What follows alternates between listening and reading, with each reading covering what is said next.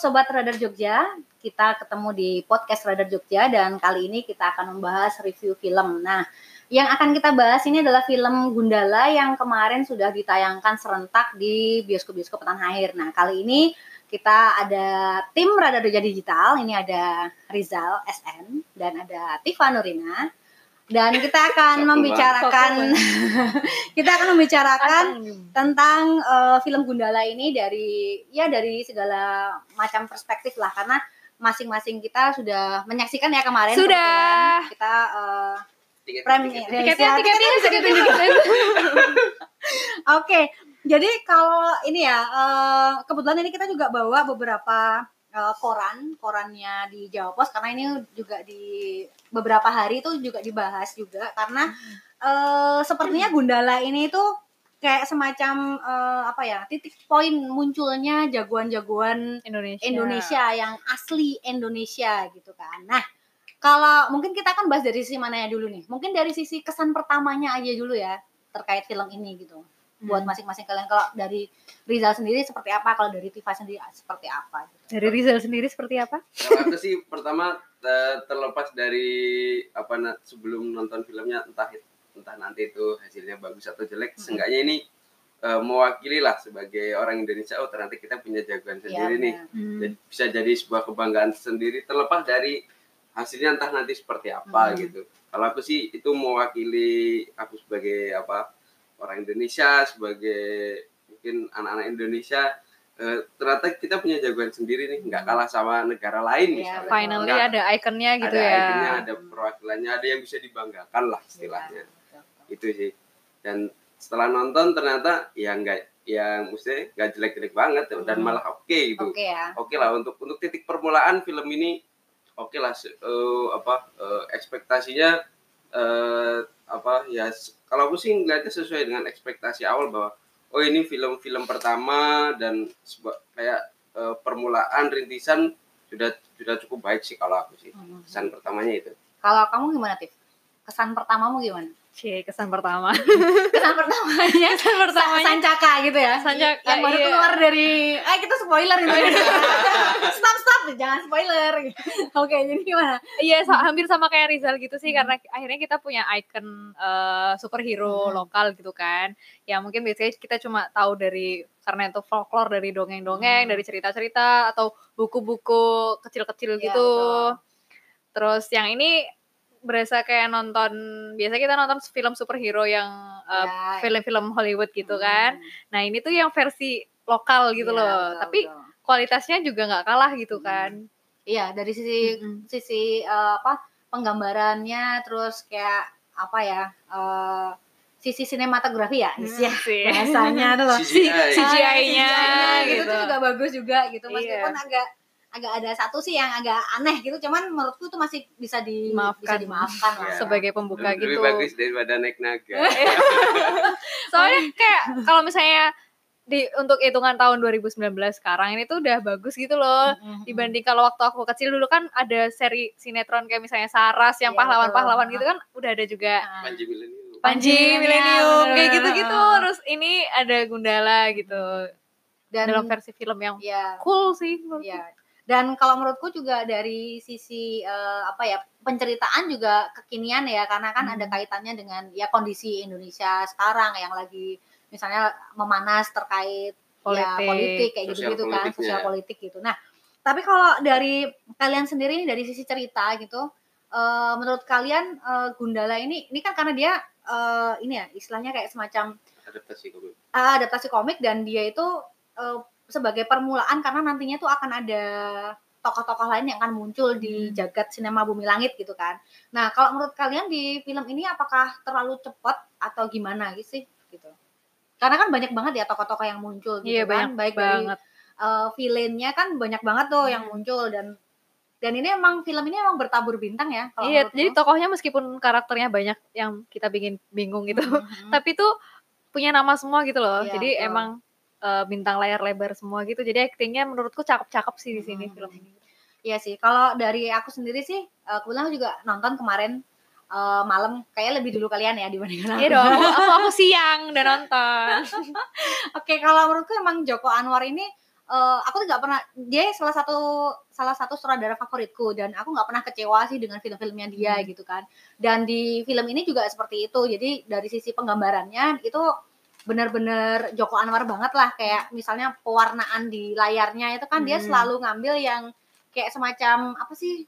Kayak kuno tapi enggak gitu. Apa sih? Vintage. kayak vintage. Ya. Warm Ah. warm warm tapi bold gitu Ah, ya. ah, ah, ah, kayak vintage kayak gitu. Terus gedung-gedung yang ditampilkan itu juga vintage banget lah kalau menurutku. Dan di di film yang ini kalau menurutku ceritanya mungkin agak kecepetan ya kayak kayak keburu-buru gitu loh Hmm, kayak, kayak semuanya tuh serba disingkat-singkat gitu terus fase yang kita nggak tahu Ada Nah, nasibnya seperti nasibnya apa tiba-tiba apa. nanti udah nyampe ini udah Ah, ketemu ini dari kayak kecil gitu. tiba-tiba udah gede aja ya benar kayak Iya. gitu dan tiba-tiba dia udah kerja aja gitu Iya. gitu kan dan dan ini yang membuat kayak ih mau jadi kita makin penasaran nih kalau misalnya ini agak panjang dikit mungkin akan lebih bisa maksudnya bisa masuk di logika misalnya kayak Iya. gitu ya tapi ya itu tadi kita masih bisa memaafkan lah karena itu bakal disimpan buat Ah. eh, apa serial Bumi serial Langit lainnya Langit lainnya, gitu ya, betul-betul. biar nonton Ya, dan benar-benar. tapi jadi bikin gak pengen apa jadi pengen buru-buru nonton gitu loh jadi Iya nonton sih. Gundala ini menurutku tuh kayak nonton eh karena coba bentar ya Ah. jadi kayak eh ini tuh trailernya ya ah bener-bener karena trailer karena ada salah satu tokoh yang nantinya akan dibuatkan film Ah, sendiri ah. yang sudah muncul di situ ya di Hmm. akhir film gitu. Tapi kalau menurut kalian dari sisi ini kan tadi kita udah bahas tentang eh, gambarnya, Hmm. kemudian eh, ceritanya gitu kan. Eh, kostumnya gimana kalau menurut kalian? kostumnya oke sih maksudnya se- setara apa sih itu dia ceritanya kan dadakan gitu ya Ah, ah, ah. ya oke Masuk oke akal aja, gitu ya? masuk akal aja Bener-bener. gitu ya kostumnya masuk akal cuman Dan nggak proses terlihat. pembuatannya kurang apa kurang detail gimana buru-buru kayak Oh, kayak, iya, kayak iya. bikinnya buru-buru ya karena dia banget. emang emang buru-buru kan bikinnya iya cuman perlu lebih detail lagi cara bikinnya ya besok ada YouTube sendiri tutorial tutorial bikin bikin kostum Gundala Ya, tapi emang kostumnya emang lebih edgy ya kalau dibandingin yang yang Yang Gundala dulu. yang dulu gitu Eh, kan. Kalau yang dulu kan eh, kayak semacam spandek ya? Apa sih? Kayak kain Iya, yang spandek, oh, kayak- gitu kan. legging gitu pakainya ada celana dalam di luarnya Kalau ini enggak ini ini ini kalau menurutku lebih lebih modern tapi Hmm. edgy-nya tuh masih ada gitu loh. Dan ini kan kemarin kan juga sempat rame bahwa eh ini kan film yang mengeluarkan dana yang cukup besar ya, Hmm. meskipun dari Joko Anwar sendiri juga nggak ngomong sebesar apa sih kayak gitu. Dan kan dengar-dengar kan sampai dua apa ada dua miliar hanya untuk kostum dan bla bla bla kayak gitu kan. Terus sempet loh kok ternyata kostumnya cuman kayak kayak gini kayak doang gini doang Hmm. misalnya kayak gitu. Nah, tapi kan di ini nanti kita nih spoiler sih. Tapi emang di dari kostumnya ini sendiri emang dia ingin menceritakan bahwa ini tuh ada step-stepnya loh. Kenapa aku harus pakai kayak yang telinga itu kan. Terus eh, kenapa harus ada ban di di Tangan. kostumnya misalnya kayak gitu. jaket jaket kulitnya Hmm, kayak gitu hmm, kayak gitu. Kalau menurut kalian dari Hmm. acting-actingnya sendiri gimana? aktingnya sih karena ini pemainnya pemain film semua ya Iya bukan ya, bukan oh, pemain apa casting baru ya, ya. casting Iya. baru yang eh, stripping atau apa gitu ya kualitasnya kualitas layar- layar lebar Iya gitu sih.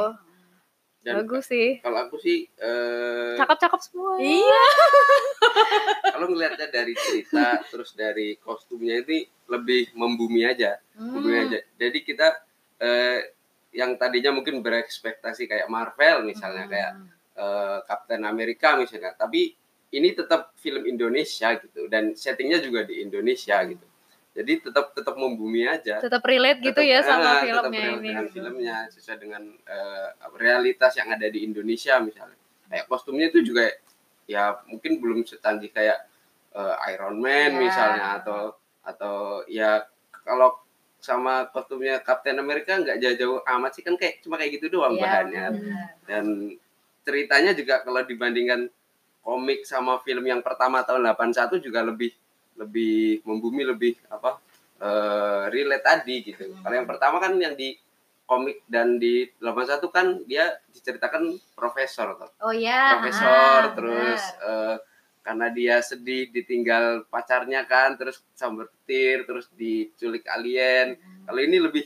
lebih lebih bisa Rasional diterima, gitu ya, lebih lebih rasional, rasional lebih ya, bisa lebih masuk diterima, akal lah ya. lebih masuk akal ceritanya di untuk diterima apa? Nah ini ceritanya dia Penonton. satpam gitu ya. Heeh. Nah, karena emang diceritakan kan dia dari kecil emang sudah ditinggal mati bapaknya, Iya. terus ibunya juga pergi entah ke mana dan dia kayak mengelana Sendiri, sendiri, ya. gitu dan istilahnya mengalami kerasnya hidup di jalanan gitu kan gitu dan ya sampai akhirnya dia jadi profesinya jadi ini apa namanya Satpam. Satpam percetakan. Satpam percetakan oh ya dan kalau menurutku di film ini juga eh, kemungkinan itu kan ada kayak semacam iklannya ya tapi Iya. kalau menurutku nggak kita bahkan nggak nyadar kalau tur- itu tuh iklan gitu kamu nyadar nggak Oh, Oh, dia bahkan nggak nyadar kan? kamu bahkan nggak Oh, nggak nyadar, nyadar kan? ya. kalau itu ada iklan iklannya yang TV TV Ya, kan? Pertama selain iklan pertama ada TV. iklan beberapa Oh, TV, iya, eh, iklan TV. tapi ada iklan- iklan-iklan bank gitu Bank juga. juga. Oh. Produk apa? Ah, produk bank itu juga ada Oh, bang. ada, Ada. jadi waktu pas ya? Ah iya, TV eh, kayak kamu harus lihat lagi deh. kita untuk melihat untuk yang kedua kalinya karena kalau menurutku eh, aku aja nonton yang semalam aja nonton rasanya pengen nonton lagi gitu. Eh, loh. Karena- aku aja mau rencana mau nonton lagi gitu loh karena kayak mau ngamatin leb- ngamatin lebih ya. lebih detail lagi. lagi detail-detail gitu. yang, ter- yang terlewat. Iya, karena ya gimana ya karena ini ini tadi gimana sih? Karena gitu kan. Jadi pas setelah nonton film itu tuh jadi kayak oh ya tadi si mau ki apa ya misalnya gitu. Jadi kita kayak pengen pengen pengen melihat lebih dalam lagi eh apa ya istilahnya kayak mungkin dari sisi penokohannya, Ya. dari sisi gambarnya gitu kan. Nah, kalau di ini sendiri di Jawa Pos ini kan juga ada eh, jagoan-jagoan atau film-film yang akan Oh, ya. muncul nih. Nah, Iya. setelah setelah Joko Anwar ini di Gundala terus akan ada apa Ada lagi nih? Sri Asih, Sri pemeran Pe- Pe- Pe- Pevita Pierce, Mhm. sutradaranya Upi. Oh Upi, ya, Upi itu yang eh, filmnya Ucok ya? Apa sih? eh, Stupid Eh, Boss, Stupid Boss. ah, Stupid Boss. Terus ada juga yang filmnya apa sih? Demi Ucok atau apa? Demi Eh, Ucok. Iya kayaknya. Penahan. Nah, itu. Tapi dia terkenal Miss Stupid Boss. Nah, Eh, terus Godam dan Tira. Godam dan Tira. kalau Gudang Damtira ini juga di tahun yang sama atau 2020 ya rencananya ya? 2000. Eh, du- semuanya 2020 sih Iya. rencananya. Mungkin bisa disebutkan nih eh untuk yang ada siapa Pertama aja Sri nih di Asih. tahun Oh, 2020. 2020 ada Sri Asih, Mm-mm. terus Godam dan Tira, Mhm. terus si Buta dari Gua Hantu. So, Oke. nanti 2021 ada Patriot Taruna, Gundala Putra Petir, sequel Gundala yang yang kemarin itu, Mm-mm. Mm-mm. Mandala, terus Patriot. Patriot itu mungkin kayak kayak Avenger-nya atau gimana sih? Ya mungkin ya kayak semacam Avenger-nya ya. mengumpulkan Semua. jagoan-jagoan. semuanya Ah. gitu. Tapi sebenarnya di Aku gak sabar nonton Gundalanya aja sih. di Gundala yang kemarin tuh beberapa Biar lihat Abimana lagi. Iya, iya, iya. beberapa tokohnya udah udah udah keluar. Ada ya. Beberapa ya. Banyak sih ya udah. Apalagi yang Kalau- penjahat-penjahat ya. Yang villainnya emang kayaknya udah keluar semua ya villainnya ya. Ada yang keluar, ada yang belum. Kayak uh, kemarin yang uh, apa Asmara Abigail tuh juga udah muncul juga kan di Hmm. filmnya. Selain Gundala juga ada Sri Asih sama Godam udah ada di film yang pertama cuman nanti mungkin Eh, Godam memang udah ada ya? Ada apa? Ada. Ada po. Ada. Loh yang yang ngajarin silat. Yang ngajarin silat siapa kalau bukan Godam? Oh iya. Iya, So tau banget. So tau banget. Emang itu nanti bakal jadi Godam. Hmm. Betul sih. Jadi kita jadi kayak penasaran ya di Iya. tahun uh, yang di Godam tahun berapa nih? Dua- bakalan keluar? 20 2020. 2020 ya 2020. setahun lagi lah dan sutradaranya siapa kalau kalau nggak salah kemarin udah ada ya sutradaranya Skenario masih dikerjakan. Nah, belum tahu nih. belum ada ya sutradaranya Belum ada. Sutradara. Hmm. Kalau yang si buta sutradaranya Timo, Timo. Javianto. oh ya Timo Brothers ya itu juga Brothers. sutradara papan atas juga sih film-filmnya juga bagus sih dia Iya. tapi kalau ini em, dari kalian sendiri nih ini kan nanti kan akan ada banyak banget nih film yang yang akan muncul dan bintang-bintangnya kemarin juga udah di, disebutkan kan waktu Iya. itu udah di launching gitu kan Iya. kayak eh, ada Nicola Saputra, kemudian Ya, Chico sebagai Jericho gitu. Aquanus. Aquanus. Aquanus ya. Terus eh, nah Aryo tapi dari Bayu. dari dari semua ini ya tokoh-tokoh itu yang yang kalian pernah baca ini kan kalau kalian kan generasi milenial kan. Ya. Kalian mungkin nggak akan belum mungkin dulu Aku nggak tahu film ini. nggak tahu ya Nggak film. tahu. Nggak tahu, saya nggak tahu detail komiknya dan filmnya tuh nggak tahu. Oh iya Cuma iya. dari baca-baca sekilas aja. Mm, mm, mm. Karena kan kalau di sini kan juga akan ada eh, si buta dari gua hantu juga kan. Hmm. Dan itu si buta dari gua hantu tuh dulu tuh waktu aku masih kecil, masih kecil jadi kelihatan tua banget. Itu tuh cukup booming karena ada sinetronnya gitu loh. Dan Oh. dan sinetronnya tuh kayak stripping setiap hari gitu Hmm. dan ya itu termasuk salah satu sinetron yang cukup ditunggu lah sama penonton gitu. Dan kalau aku sih juga nggak sabar sih gimana sih nanti eh jagoan-jagoan tanah air ini akan keluarnya seperti apa gitu. Karena kan di masing-masing film itu nanti akan sutradaranya beda-beda kan Hmm. kayak gitu. Cuman nih pemerannya belum diumumkan. Ini Yang apa? misteri juga si oh yang belum benar ya. Oh, Siapa ya. ya Belum ada ya? Belum ada kayak. Belum ada di situ Belum ditulis ada, ya. belum diumumkan. Hanya sutradaranya udah gitu ya. Sutradaranya udah, cuman Oh. castingnya belum. Pengen Hmm. usul. Nah ini nih kalau yang di sini nih, yang di eh, edisi kemarin, Kamis kemarin di Jawa Pos, ini dia eh, Joko Anwar juga menceritakan tentang konsep ceritanya. Jadi dia tuh menggabungkan konsep origin, asal usul dan Iya, iya. tribut untuk komik Gundala ciptaan Hasmi. Jadi Iya, iya. kalau yang tadi si Rizal bilang kalau di di yang lama itu kan dia jadi ilmuwan gitu Iya. kan. Kalau yang di sini enggak. Nah, ini kalau dari sebagai latar cerita Gundala ini juga mengangkat isu kesenjangan kelas sosial yang Iya. berujung pada kekacauan Mm-mm. gitu. Kelihatan sih kalau kemarin. Hmm, hmm. dan dan ini ya dia memang mengatakan kalau karakter Gundala dan Sancaka ini dirancang lebih real di balik kostum gagah dan kekuatan petirnya. Iya. Dan kalau menurutku di ini kan kayak semacam apa ya? Kalau di Indonesia itu kan kekuatan itu kan kadang muncul bukan karena dia kena alien atau Ya. dia kadang misalnya kena apa ya?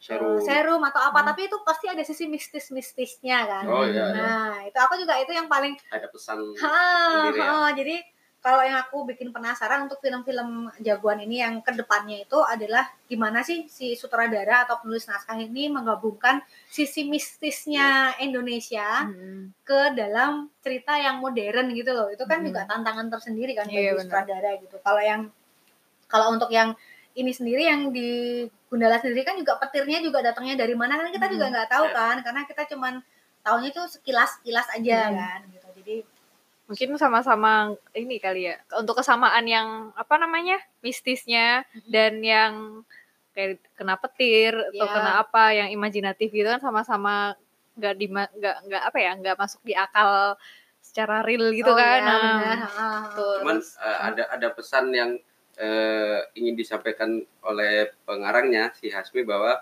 sejarahnya kenapa ini namanya Gundala, Hmm. Gundala itu artinya apa, terus kenapa dia bisa menangkap petir kan salah satu yang menginspirasi kan dari mitologi, Ki- mitologi atau Jawa. cerita Jawa ya, Ah, ya. Ki Ki Ageng Ki- Selo Ki Ageng itu. Selo yang bisa Hmm. nangkap petir Ki. Ageng Selo Hmm. yang ternyata dia bisa nangkap petir. Jadi nggak cuma terinspirasi dari komik luar, tapi ternyata ada pesan-pesan yang itu Indonesia banget. Iya, Ya, itu makanya kenapa ini tuh uh, film hero dengan kearifan Iya, lokal. benar. lokal yang kita Oh. bisa menerima itu. Iya, gitu. benar Iya. Oke deh.